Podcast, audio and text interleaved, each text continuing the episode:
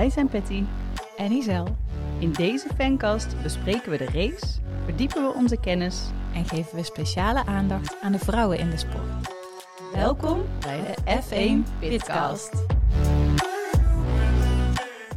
Ja, een pitcast na een eh, mooi Hollands raceweekend. Ja, we waren erbij. Niet bij de race, maar we zijn op zaterdag eh, op Zandvoort geweest, de hele dag.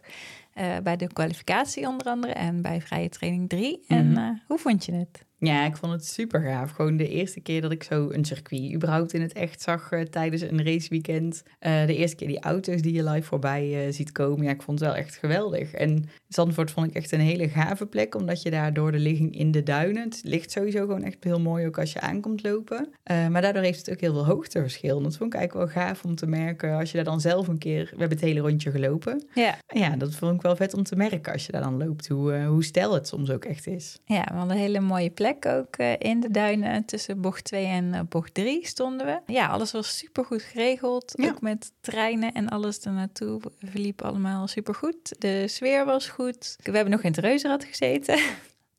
Echt chapeau voor eh, de organisatie en inderdaad ook heel de aankleding eromheen. Ja, wat er dan inderdaad, het reuzenrad stond in de fanzone. Het was wel echt enorm aan het regenen op het moment dat wij erin gingen. Ja, we zijn echt de hele ochtend zijn we wel helemaal eh, verregend. Maar eh, de poncho's waren echt lifesavers. Ja, het bedrukte de sfeer het hele weekend niet. Want nou ja, ook vandaag op tv zagen we dat de fans, ondanks de regen, lekker eh, door bleven gaan. En we stonden in de krant dit ook nog weekend. eens, Eindhovens Dagblad. En eh, nou, je hebt het gedeeld op eh, onze Instagram-pagina. Dus heb je het nog niet gezien en vind je het leuk, kan je daar eh, terug horen. En het was zomerstop en ook wij hebben niet helemaal stilgezeten. Dus jullie krijgen deze keer de nabeschouwing Nieuwe Stijl. Nabeschouwing. Ja, want we starten met de, de samenvatting van het weekend. En dan beginnen we op eh, de zaterdag tijdens de kwalificatie, waar Hamilton verrassend bleef steken in Q2 op een dertiende plek. Albon hele sterke rondes reed en zich uiteindelijk kwalificeerde als vierde. En in de rommelige Q3, waar zowel Sargent als Leclerc zijn gecrashed. Leclerc die dat vanuit een tuinstoel vervolgens in de, de Marshallpost eh, de rest van de, de kwalificatie heeft gezien.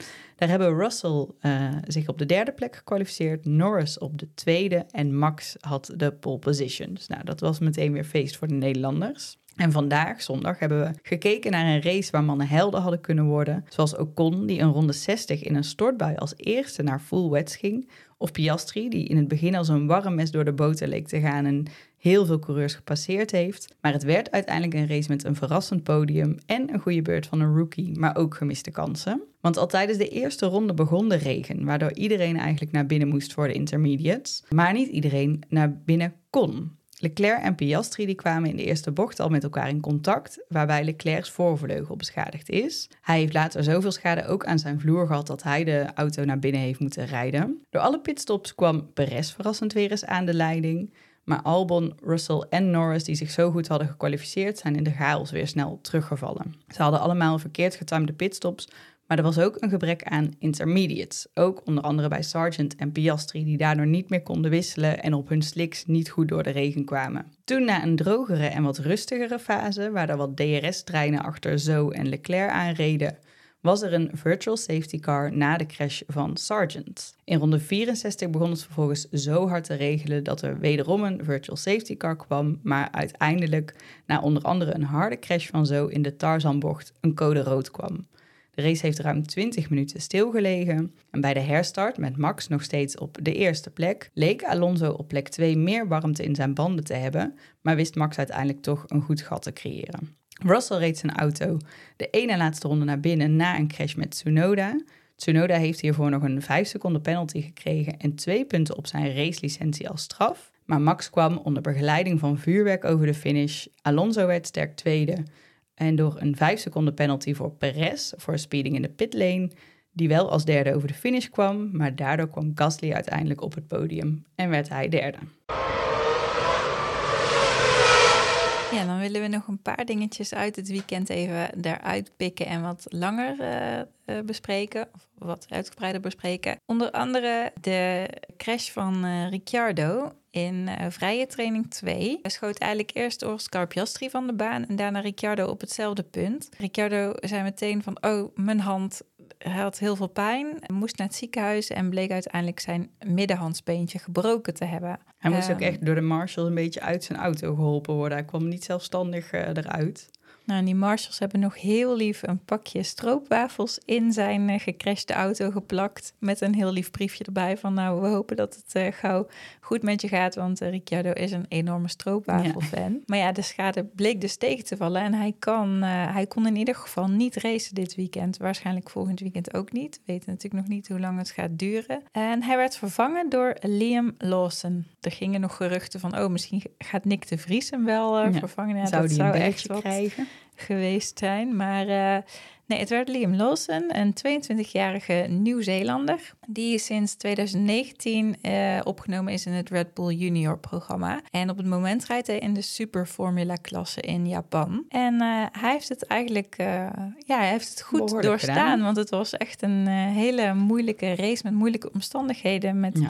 Hele natte banen die dan weer droog werden, die dan weer nat regenden. Hij heeft wel een eh, 10 seconden straf eh, gekregen tijdens de race, omdat hij Magnussen had gehinderd. Maar uiteindelijk is hij als dertiende gefinished en zelfs nog voor Tsunoda. Ja, en helemaal nu Tsunoda bij de einduitslag ook nog eens die vijf seconden penalty te verwerken heeft gekregen. Nee, je kan eigenlijk wel zeggen dat Liam Lawson een soort eh, rookie zijn eerste weekend heeft gehad met alle elementen ongeveer erin. Ja, Verrassingen door de regen, rode vlaggen, inderdaad zelf dan nog een straf eh, opgelopen. Hij heeft Leclerc in weten te halen. Oké, dat was na de beschadiging aan Leclerc zijn voorvleugel en eh, vloer. Maar goed, dat is toch een soort eerste test. Toch een grote naam die je voor je hebt en jij gaat er wel mooi even voorbij. Dus dat heeft hij netjes gedaan. benieuwd waar, wanneer we hem... Ja, we gaan hem Ja. waarschijnlijk in Monza sowieso nog zien Ja. volgende week, omdat Ricciardo dan zeker nog niet hersteld zal zijn. Ja, hoewel ik dat. Enigszins verrassend vind in de zin dat Stroll dit seizoen ook begonnen is met een gebroken pols. Ja, kan ik me voorstellen dat een hand nog vervelender is, omdat je die misschien nog meer moet gebruiken tijdens een race. Maar eh, ik vind het wel apart dat hij toen met die gebroken pols wel heeft kunnen instappen en eh Ricciardo nu inderdaad niet. eh, Ja, maar Stroll was wel... Dat was ook al wel een paar weken geleden, hè? Was niet... ja. ja, dat was meer de twijfel, gaat hij snel genoeg klaar zijn? Ja, iemand, ik weet niet meer wie, had over Ricciardo ook al gezegd van...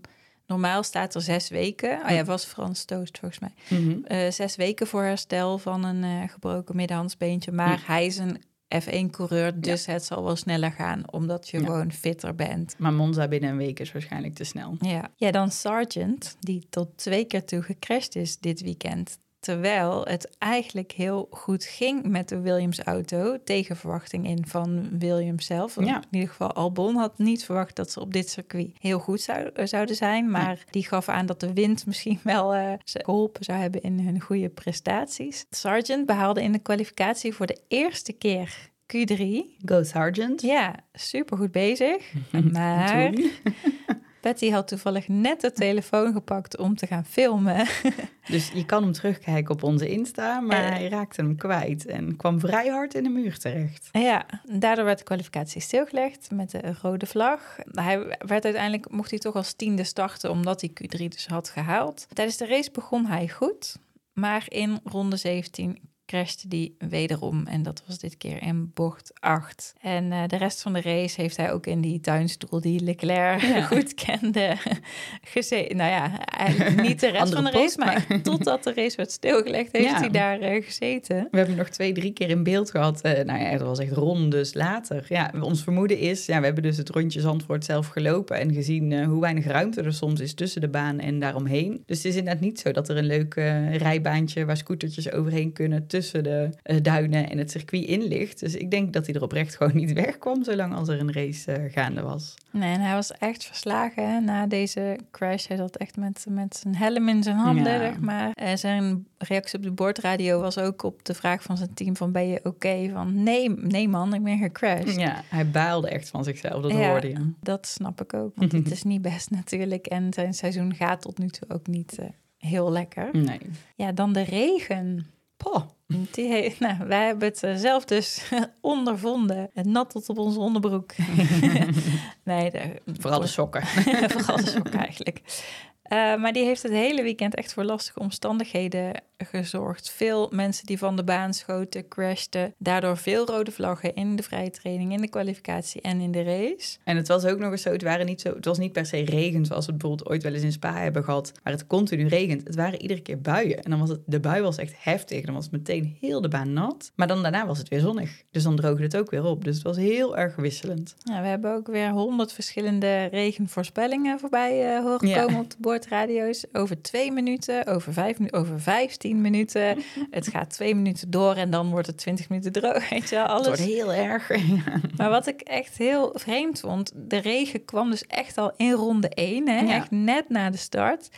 En niemand stond nog op intermediates. Ja, misschien Nee. gaat dat ook echt niet als de baan nog helemaal droog is. Maar het leek dus alsof niemand deze bui had zien aankomen. Nee. Dat vond ik wel echt heel apart. Ja, ik denk dat je wel gelijk hebt dat als je erop start en het is droog en voor hetzelfde geld komt de regen toch niet of toch later, dan ga je zoveel plekken verliezen. Dat kan je gewoon niet riskeren. Maar ja, het was heel opvallend inderdaad. Maar het zorgde meteen wel voor veel chaos, wat ook wel weer heel leuk is. En een eh, interessante race en uiteindelijk ook een interessant podium oplevert. Wat ik ook heel opvallend vond, was dus wat je al vertelde, dat mensen gewoon niet naar inters konden, omdat ze die niet meer hadden. Nee. En dacht ik, hoe kan het nou toch dat je in zo'n weekend, waarbij je dus weet dat het heel weer barstig is, onvoorspellig is het weer, dat je geen intermediates meer hebt voor de race. Ja, want dan heb je achter echt, de hand. ja, want je zag bij Piastri bijvoorbeeld dat het ging niet meer, weet je wel, op, Nee. op die slicks. door Nee, deze hij zakte helemaal terug. Ja. Ja. En vond ik ook interessant eh, dat zowel bij Piastri als Sargent was dit aan de hand. Dan heb je twee rookies dit jaar, die dus hè, in die zin, eh, je moet ze nog een beetje helpen, want hè, het is voor hun ook de eerste keer dat ze hier rijden. En dat je dan net uitgerekend bij die jongens niet inderdaad nog een setje achter de hand hebt, om ze in die zin ook te helpen in zo'n race met wisselvallige omstandigheden. Ja, ja want eh, Charles Leclerc op een gegeven moment zei dit weekend, toen hij een vraag kreeg over het weer, zei hij, ja, we zijn er ondertussen wel aan gewend, want we hebben bij bijna elke race met regen te maken. En toen dacht ik, ja, het is, we hebben al zoveel regen gezien dit seizoen. En Ja. vroeger, of iets eerder, was het echt een uitzondering regen. Dan was het Ja. echt, oh, misschien wordt dit een regenrace in Brazilië bijvoorbeeld, of Ja. in Spa.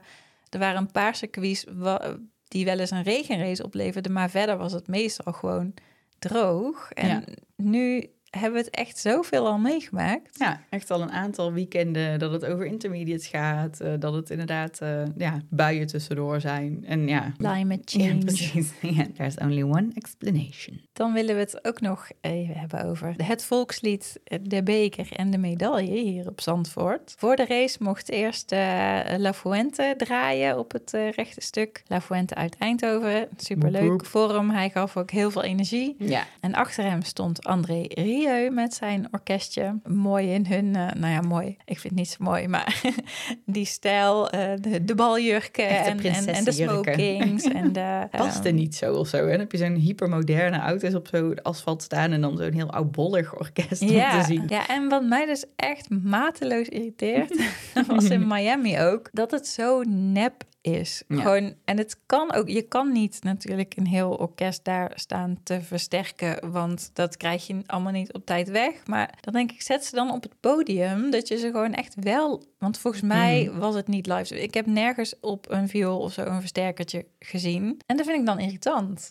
want dan wordt het echt zo, dan wordt het extra knullig, weet je Ja. En het was inderdaad al een beetje dat oude... Hij is natuurlijk echt een super grote artiest hè, over Ja, heel de wereld. vak.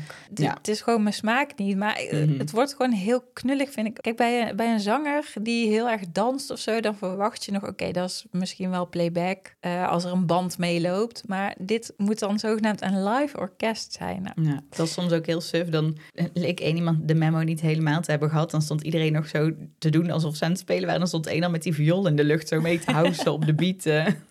Ja, nee, dat was niet de afspraak. En na de race eh, werd Max nog wel heel mooi, vond ik, eh, toegezongen met het volkslied door Emma Heesters. Dat leek hij zelf inderdaad niet zo door te hebben, dat er eigenlijk net beneden hem iemand en hem echt een soort serenade stond te brengen. Wij moesten ook heel erg zoeken wie is het en waar staat ze. Ja, want wij zagen haar alleen maar vanaf de rug ook. Ja, maar ook in het begin helemaal niet. Zeg maar, Nee. Het werd ingezet en hebben we dat denk ik echt nou, een half minuut niet gezien. Toen kwam ze inderdaad vanaf de rug in beeld. En leek Max gewoon die, het podium, nou ja, was ook wel natuurlijk een paar meter boven haar. Maar enorm over haar heen te kijken. Dus ik ben bang dat niemand gezegd heeft, er staat daar iemand live Nee. dit volkslied voor jou te zingen. Dat denk ik ook. Ja, en toen eh, kwamen de bekers. Oeh, Ja, dat was niet eh, pretty. nee, dat was very ugly. Het waren hele lompe, witte... Ja, zeg maar als je... Ik, het, woord, het Engelse woord cup. Zo een tro- trofee met van die oren, zeg maar. Maar dan in lelijk wit, alsof het zo die plastic oren. lampen waren. Zonder oren. Eigenlijk gewoon een heel groot bierglas. Ja, met een, lelijke gouden leeuw erop. Ja, en dan ook nog alle drie een andere kleur, volgens mij. Want ik geloof dat Ja, bij dat, Gasly was dat het een vond blauwe. ik dan wel weer leuk. Maar Dat is leuk gedaan. ik vond de leeuw gewoon lelijk. Ik vond het, ja, ik vond het echt heel erg lelijk. Ja, daar moet Designstad Eindhoven komend jaar misschien even iets aan doen. Betere trofee, jongens. Ja, wat ik een, misschien wel het mooiste moment vond van de hele race was dat de vader van Dilano van het Hof, Alexander van het Hof, de medaille uit mocht reiken aan Max. Dat vond ik echt een heel Ja. ontroerend eh, Ja. moment en heel erg mooi dat ze hem deze rol hebben gegeven bij, Ja. eh, bij de race. Misschien eh, voor wie het niet nog had meegekregen, die Lano-coureur die overleden is eerder dit jaar, Nederlandse coureur op het circuit van Spa.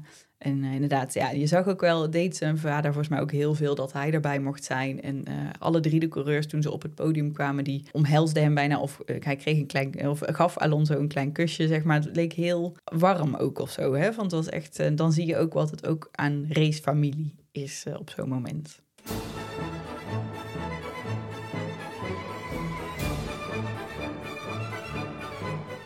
Beetje André Rieu vibes, hè? Deze, deze keer wel, ja. ja, de erekrans die gaat eh, deze keer naar eh, Alonso. Want ik vond het ontzettend leuk om hem weer zo te zien stralen.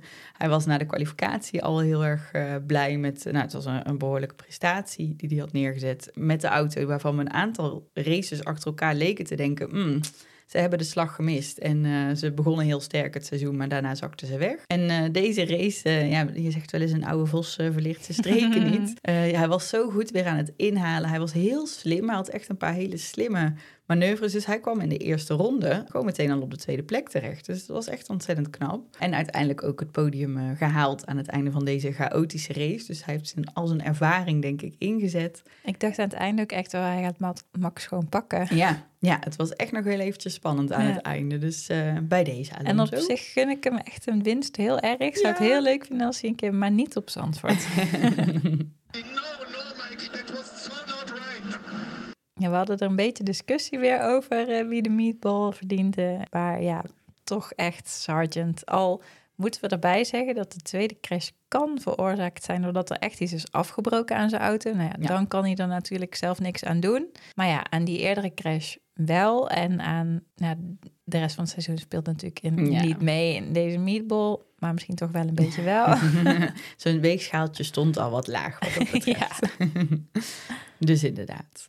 En we hebben voor het eerst sinds lange tijd weer eens een, een luistervraag. Eh, voor wie hem nog niet heeft gehoord, eh, deze zomer hadden wij een zomerspecial waarin we vooruitblikten op Zandvoort. Een hele eh, special in het kader van Zandvoort. En daar hebben wij de stelling ingenomen dat we eigenlijk wel vonden dat Max misschien al wel een, eh, een bocht verdient op Zandvoort. Een bocht die naar hem vernoemd wordt. Hoewel dat vaak is als een coureur stopt met racen. Maar we dachten, ja, wat hij nu al bereikt heeft, is al zo gaaf dat hè, hij verdient het wel. En toen kwam de vraag eh, van Dennis, maar welke bocht dan? Ik heb er wel één, jij?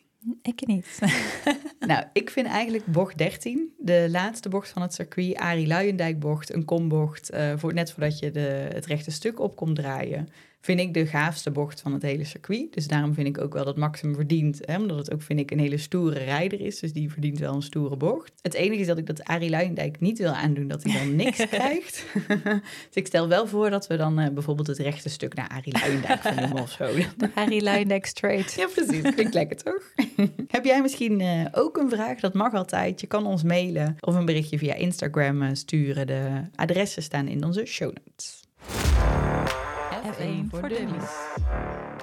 Ja, en een beetje ook in het verlengde van de race van vandaag en eh, onze zomerspecial willen we als begrip deze keer banking uitleggen. We hebben namelijk in onze special al besproken dat Zandvoort dus twee bochten heeft. Onder andere die eh, bocht 13, Arie Luijendijk bocht, maar ook bocht 3 met banking. Wat dus inhoudt dat er een tijging eigenlijk in de bocht zit. Daar gaan we vandaag ietsjes eh, dieper op in. Eh, die bochten hebben dus een steile helling. De binnenkant van de bocht ligt lager dan de buitenkant. En op Zandvoort is dat wel 4,5 meter hoger in die, uh, die Arie Luijendijk bocht. Dus het is ook echt een behoorlijk uh, verschil. Ik zal een uh, filmpje in de show notes zetten waar Ricciardo, toen nog coureur bij McLaren, een stroopwafeltest doet met de kombocht. Hij laat een stroopwafel van de bovenkant van de kombocht helemaal naar beneden rollen. En het lukt echt verrassend goed.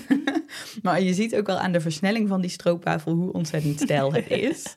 dit type bocht is wel heel erg standaard in de Racing klasses in Amerika. Daar racen ze eigenlijk altijd op ovals. Dus ja, circuits die letterlijk een ovaal zijn, gewoon één rondje. Uh, dus dan krijg maar dan je inderdaad niet een plat ovaal, maar een Ja, waar dus inderdaad heel veel uh, ronding inderdaad in de, de baan zit. Dus daar zijn ze kombochten heel erg uh, gewend. Maar de twee kombochten in Zandvoort zijn nog steiler dan die, die in die circuits. Ja, want dat is inderdaad de andere woord voor banking, noem je kombocht dan eigenlijk. Ja, hè? ja precies. Ja, de, eigenlijk een kombocht heeft, heeft banking. banking. ja, precies. Zo zou je het moeten, moeten uitleggen. En wat maakt die banking nou zo uh, interessant? Nou, zijn eigenlijk twee verschillen uh, in zo'n bocht ten opzichte van gewoon platte bochten. Enerzijds zijn de bochten uh, hoge snelheid, omdat de auto's met heel veel downforce door de bocht heen komen. Dus daardoor kunnen ze ook harder. En dat is op Zandvoort met name bij de bocht 3. daar kan je meerdere racelijnen rijden. Doordat er een, een, stijging in de bocht zit, zit er vaak zowel in het midden van de bocht een ideale racelijn als eentje bovenlangs. En daarom hebben ze in Zandvoort onder andere ook geïntroduceerd, want dat maakt dus inhalen ook makkelijker. Want je kan op twee plekken eigenlijk een ideale racelijn hebben. Je hoeft niet te zaakjes op een, een minder punt om iemand in te gaan halen. De coureurs zijn er ontzettend enthousiast over. Ze vonden het al toen Zandvoort gemaakt werd, waren ze al heel erg blij met deze verbetering van het circuit. Magnussen zei daar inderdaad al over van ja, wat het eigenlijk brengt is dat je dus vanuit het kielzog van je voorligger kunt komen, maar toch de snelheid in een bocht kan behouden. Uh, en daardoor is het beter voor close racing en inhalen. Je ziet deze bocht heel veel dat, dat de auto's echt best wel naast elkaar er doorheen komen en één iemand dan er voorbij komt. En nou ja, een heel klein beetje natuurkundig uh, wat technisch.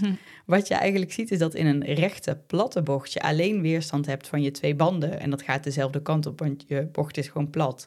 Uh, en je hebt een uh, kracht die de auto eigenlijk zeg maar, naar buiten duwt in een bocht. Dus als het een rechterbocht is, naar de linkerkant toe. Bij zo'n helling heb je niet alleen die twee krachten van de banden en uh, die naar buiten toe, maar dan heb je ook een kracht van het gewicht van de auto. Dus een verticale kracht, die duwt hem dus echt naar beneden. en omdat de banden dus niet naast elkaar staan, op een, zoals op een platte bocht is, maar dat er dus een verschil zit. Dus uh, waar die banden zich bevinden, gaan die krachten elkaar ook nog een soort van tegenwerken. Dus daar komen ineens, als je dit helemaal wil weten, je kan dit online vinden, iets van zes verschillende krachten bij kijken. Dus dat maakt het best wel uh, ja, ingewikkeld ook wel voor coureurs om daar goed doorheen te komen. Ook Ross Brawn, de baas van de Formule 1 Management, is heel erg enthousiast en heeft ook wel aangegeven in de toekomst meer kombochten weer op de kalender te willen hebben. Op dit moment hebben ook de race in Abu Dhabi en Jeddah uh, bochten met banking. Uh, Monza had het ook, het circuit waar we komende week naartoe gaan, maar die is er door de veiligheid uitgehaald. Daar hebben ze een nieuwe layout uh, voor het circuit gemaakt. Ja, zullen we in de voorbeschouwing nog even op terugkomen ook. Ja, precies. Uh, en dat zie je dan ook wel, die in Monza die was 36 graden, die in Zandvoort zijn nu 18 graden. de banking. Maar het heeft ook wel een nadeel, die banking, namelijk dat de banden sneller slijten. Je kan je voorstellen dat doordat die druk zo hoog wordt, die verticale druk, slijten die banden sneller.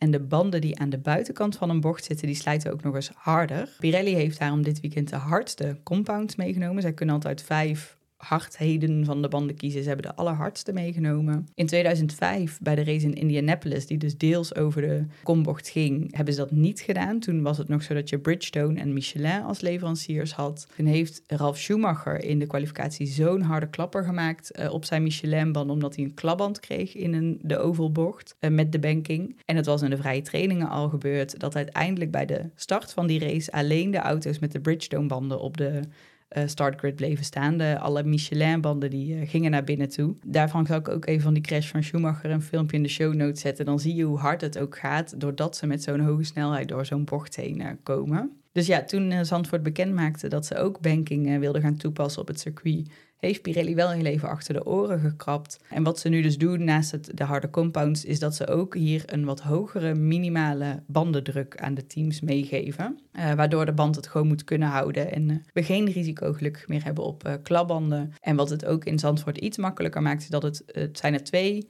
En de ene is linksom, de andere is rechtsom. Dus je hebt aan allebei de kanten meer slijtage. Het is niet alleen maar één kant die meer belast wordt. En in Zandvoort zijn de bochten niet zo lang als op de Amerikaanse circuits. Dus dat is een, eh, een voordeel.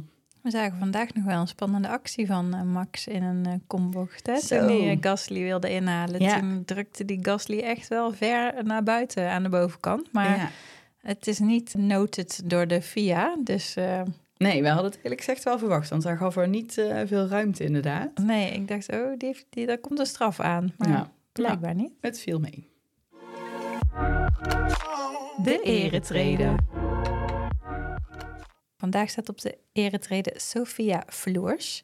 Zij is een Duitse autocoureur van 23 jaar oud. Ze is op haar vijfde begonnen met karten. En zij werd de eerste vrouwelijke coureur en de jongste coureur van maar liefst drie verschillende kartkampioenschappen. Ze heeft tien jaar lang eh, meegedaan in de kartcompetities. En toen stop- stapte ze over naar de Ginetta Junior Championship, waar ze ook weer de jongste coureur ooit werd die een race won.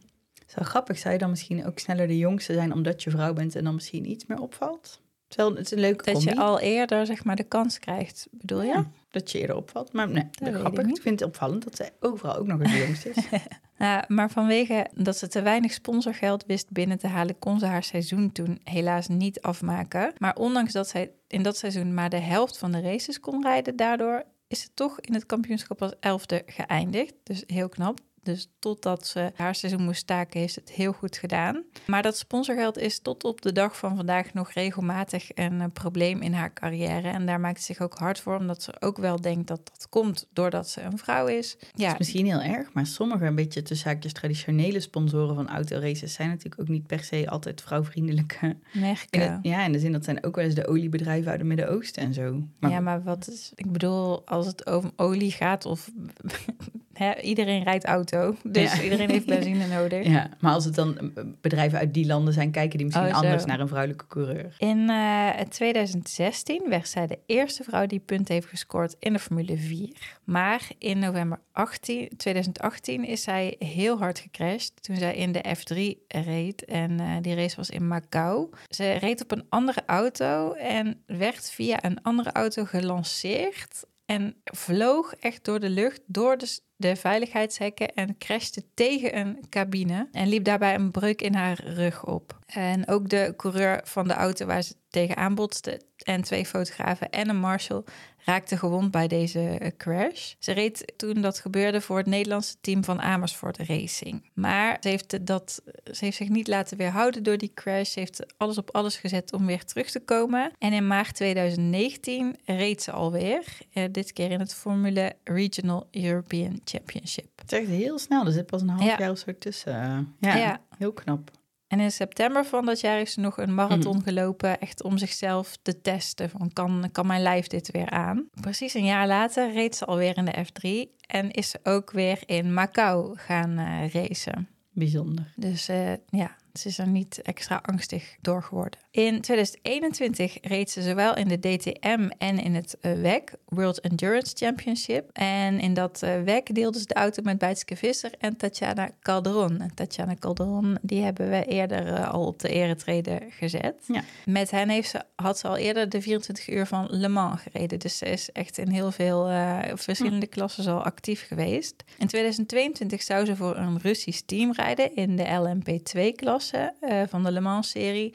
Maar na de invasie van de Oekraïne trok dat team zich terug en had ze, stond ze dus weer met lege handen. Dus ze heeft ook wel veel pech gehad tot nu toe al in haar carrière. Maar in 2023 keerde ze terug in de F3, waar ze de eer- weer de eerste vrouw werd die punten behaalde. En dat was bij de race in België.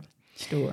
Ook werd ze in dit jaar opgenomen in de Alpine Academy. Eh, samen met Abby Poeling is dat, Mhm. geloof ik. Er is ook een documentaire over haar gemaakt, The Race Girl. En die gaat over haar comeback en de obstakels die ze als vrouw eh, meemaakt in een door mannen gedomineerde sport. Helaas heb ik nog niet gevonden waar je die Hm. kunt zien, want ik zou hem heel graag een keer weer willen zien. Maar hij is nog niet zo lang uit. Eh, hopelijk komt hij een keer bij een Op een streamingdienst. platform. Ja, en het is dus ook wel mooi om te zien dat zij zich ook heel erg uitspreekt. Het zorgt voor inderdaad, ja, zij wil echt mogelijk maken dat meer vrouwen in de autosport komen. um, Ook uiteindelijk in de Formule 1 terecht kunnen gaan komen. Dus eh, daar spreekt ze zich ook wel voor uit. En dat vind ik wel Ja. heel mooi. F1 Media. Ja, het was natuurlijk zomerstop. Dan doen coureurs wel eens rare dingen. Zo was er onder andere een eh, berichtje van eh, Oscar Piastri... die een bezoekje bracht aan de MotoGP... En daarbij ook een foto op zijn eigen kanalen had gepost dat hij op een van die motoren zat. Was wel gewoon in de pitbox, dus het was in die zin nog niet heel spannend. Maar het was heel schattig, want zijn moeder had daaronder een reactie geschreven met... Ik vind Formule 1 auto's al eng genoeg, waag het om op die motor te stappen. Ja, en volgens mij had hij zoiets geschreven van, oh, dit kan ik ook wel eens een keer proberen. of Ja, zo, zoiets van ik ruil de vier voor de twee wielen Ja, in. ja. eh, ja. Nou, we zagen ook eh Valtteri Bottas eh, voorbij komen, die verkleed was als de Duffman. En Duff is het biermerk eh, van de Simpsons. En hij deed een, wat was het? Een biathlon of zo? Ja, Ja, het was hè? iets met rennen en fietsen. Maar dan geval. allemaal verkleed. Nee, je kon je gewicht in bier winnen of zo. En Hij had gezegd, en daarom deed ik mee of zo. Of een jaar lang gratis bier, ik weet Het was niet maar- heel per se de sportieve prestatie aan zich. Het was volgens mij ook meer de aankleding eromheen. Ja, eh, iedereen was gekleed. eh, het was heel, eh, heel grappig om Ja. te zien. En hij heeft gewonnen, toch? Ja, ja. Netjes. Nou ja, wat ook voorbij kwam in het nieuws, dat er een heleboel protesten eh, gepland stonden voor de race in Zandvoort. Onder andere de taxichauffeurs uit Haarlem wilden de wegen gaan eh, blokkeren, omdat zij werden uitgesloten eigenlijk. Eh, alleen taxichauffeurs uit Zandvoort hadden een licentie gekregen om vervoer te doen rondom de race. Uiteindelijk zijn ze er wel uitgekomen, want er is Mm, volgens mij nee. geen blokkade geweest. En ook eh, klimaatactivisten hadden aangegeven een soort fietsprotest te doen. Daar heb ik eigenlijk ook niks meer over gehoord. Nee, nee, dus ik denk dat het of is meegevallen of ze hebben niet heel veel aandacht eh, gekregen. En ik moet eerlijk zeggen, ja, wat we al aangaven, het was echt wel goed geregeld dit weekend met openbaar vervoer en dat soort dingen. Dus ik snap dat bijvoorbeeld die taxichauffeurs hier heel erg van gebaald hebben. Maar ik denk wel dat het onderdeel is van hè, hoe Zandvoort dit wil organiseren en dat ze groene mobiliteit willen stimuleren. Eh, dus ja, dit is dan de minder leuke kant daar misschien voor eh, in die omgeving. Volgens mij zag ik vandaag ook een, iets voorbij komen dat 98% van de bezoekers nu ook op een duurzame Ja. manier is gekomen. Dus dat Vet, eh, ja. Ja, ja, het stonden ook bizar veel fietsen. En het was ontzettend druk in de treinen, maar wel echt goed geregeld. Ja. Ja, Ja. want er gingen dus echt om, om de vijf minuten gingen er gewoon treinen die kant op. Echt Ja. top. Wat op zich goed geregeld was, was het entertainment op het circuit. Iedere keer als er ook maar één seconde een rode vlag werd aangekondigd, klom er alweer een DJ eh, in de DJ-booth en dan ging er een, een VJ daarbij aan de slag. Er stond een heel enthousiaste Leeuw. leeuwmascotte op het podium. Zich Ja. helemaal eh, gek te, Te gek dansen. te dansen. En die man in dat oranje pak, ik weet niet wie het is, maar die heeft volgens mij drie dagen lang eh, de zijn lijf staan schreeuwen. Of ze hadden drie mannen in oranje, maar goed. Ja, Dat waarschijnlijk. laten we even terzijde. Wat ons wel opviel, was dat er... Ja, er waren toch wel een paar favoriete hitjes. Waaronder Viva Hollandia. Die hebben wij denk ik zaterdag al drie keer gehoord. En eh, vandaag hoorden we hem een paar keer op tv tijdens de Code Rood weer langskomen. En onze regioheld eh, Jan Biggel, ons moeder zei nog, hebben we ook een paar keer mee kunnen zingen. Ja, ik vind... eh het is echt niet meer... En dat vind ik dus jammer. Dat het, het was of hardstyle of het was van die, eh, van die volksmuziek. Ja, Ja. Daar, daar maak je mij echt niet blij mee. Ik zou Nee. het echt... li- Doe gewoon gezellige disco-hits of zo. Iedereen ABBA. Of gewoon pop of zo. Maar Of een mix in ieder geval. Ja. Dit, ik echt de, de type artiest en zo het Nee. geboekt wordt. eh, Want dan hebben we Mental Tio nog niet eens eh, genoemd. Nee, not my, not my thing. Maar leuk bruggetje naar een andere DJ die er dit weekend was, Martin Garrix. Goede vriend van zowel Lando Norris als Max Verstappen. En heel leuk, die mocht de finishvlag vandaag eh, zwaaien. Voor zijn vriend Max. Vooruitblik. Ja, volgende week alweer gaan we naar Monza. Dat is echt een hoogsnelheidscircuit, wordt ook wel de Temple of Speed genoemd. En eh, staat al sinds 1954 op de kalender. Kalender. Bijna ononderbroken volgens mij. Het Moeten heeft... we er eigenlijk bij zeggen dat Monza in Italië ligt of is dat Ah. vanzelfsprekend? Ik weet Mon- het eigenlijk nee, niet. Monza ligt in Italië. Voor het geval dat, geen Spanje of zo. in Noord-Italië, om precies te zijn. Mhm. Eh, het heeft veel lange rechte stukken. De huidige layout van het circuit is al de negende versie die ze eh, hebben gehad. En van 1955 tot 1971 was het echt een kombochtencircuit. Dus een, een soort was een oval? Het was een Ja. oval, inderdaad. Maar de dodenteller eigenlijk staat op 52 coureurs en 35 toeschouwers die bij dat circuit zijn overleden door die hoge snelheid die daar altijd eh, gehaald Mhm. kon worden. Bij het dodelijke ongeluk van Emilio Materassi zijn zelfs 27 toeschouwers omgekomen.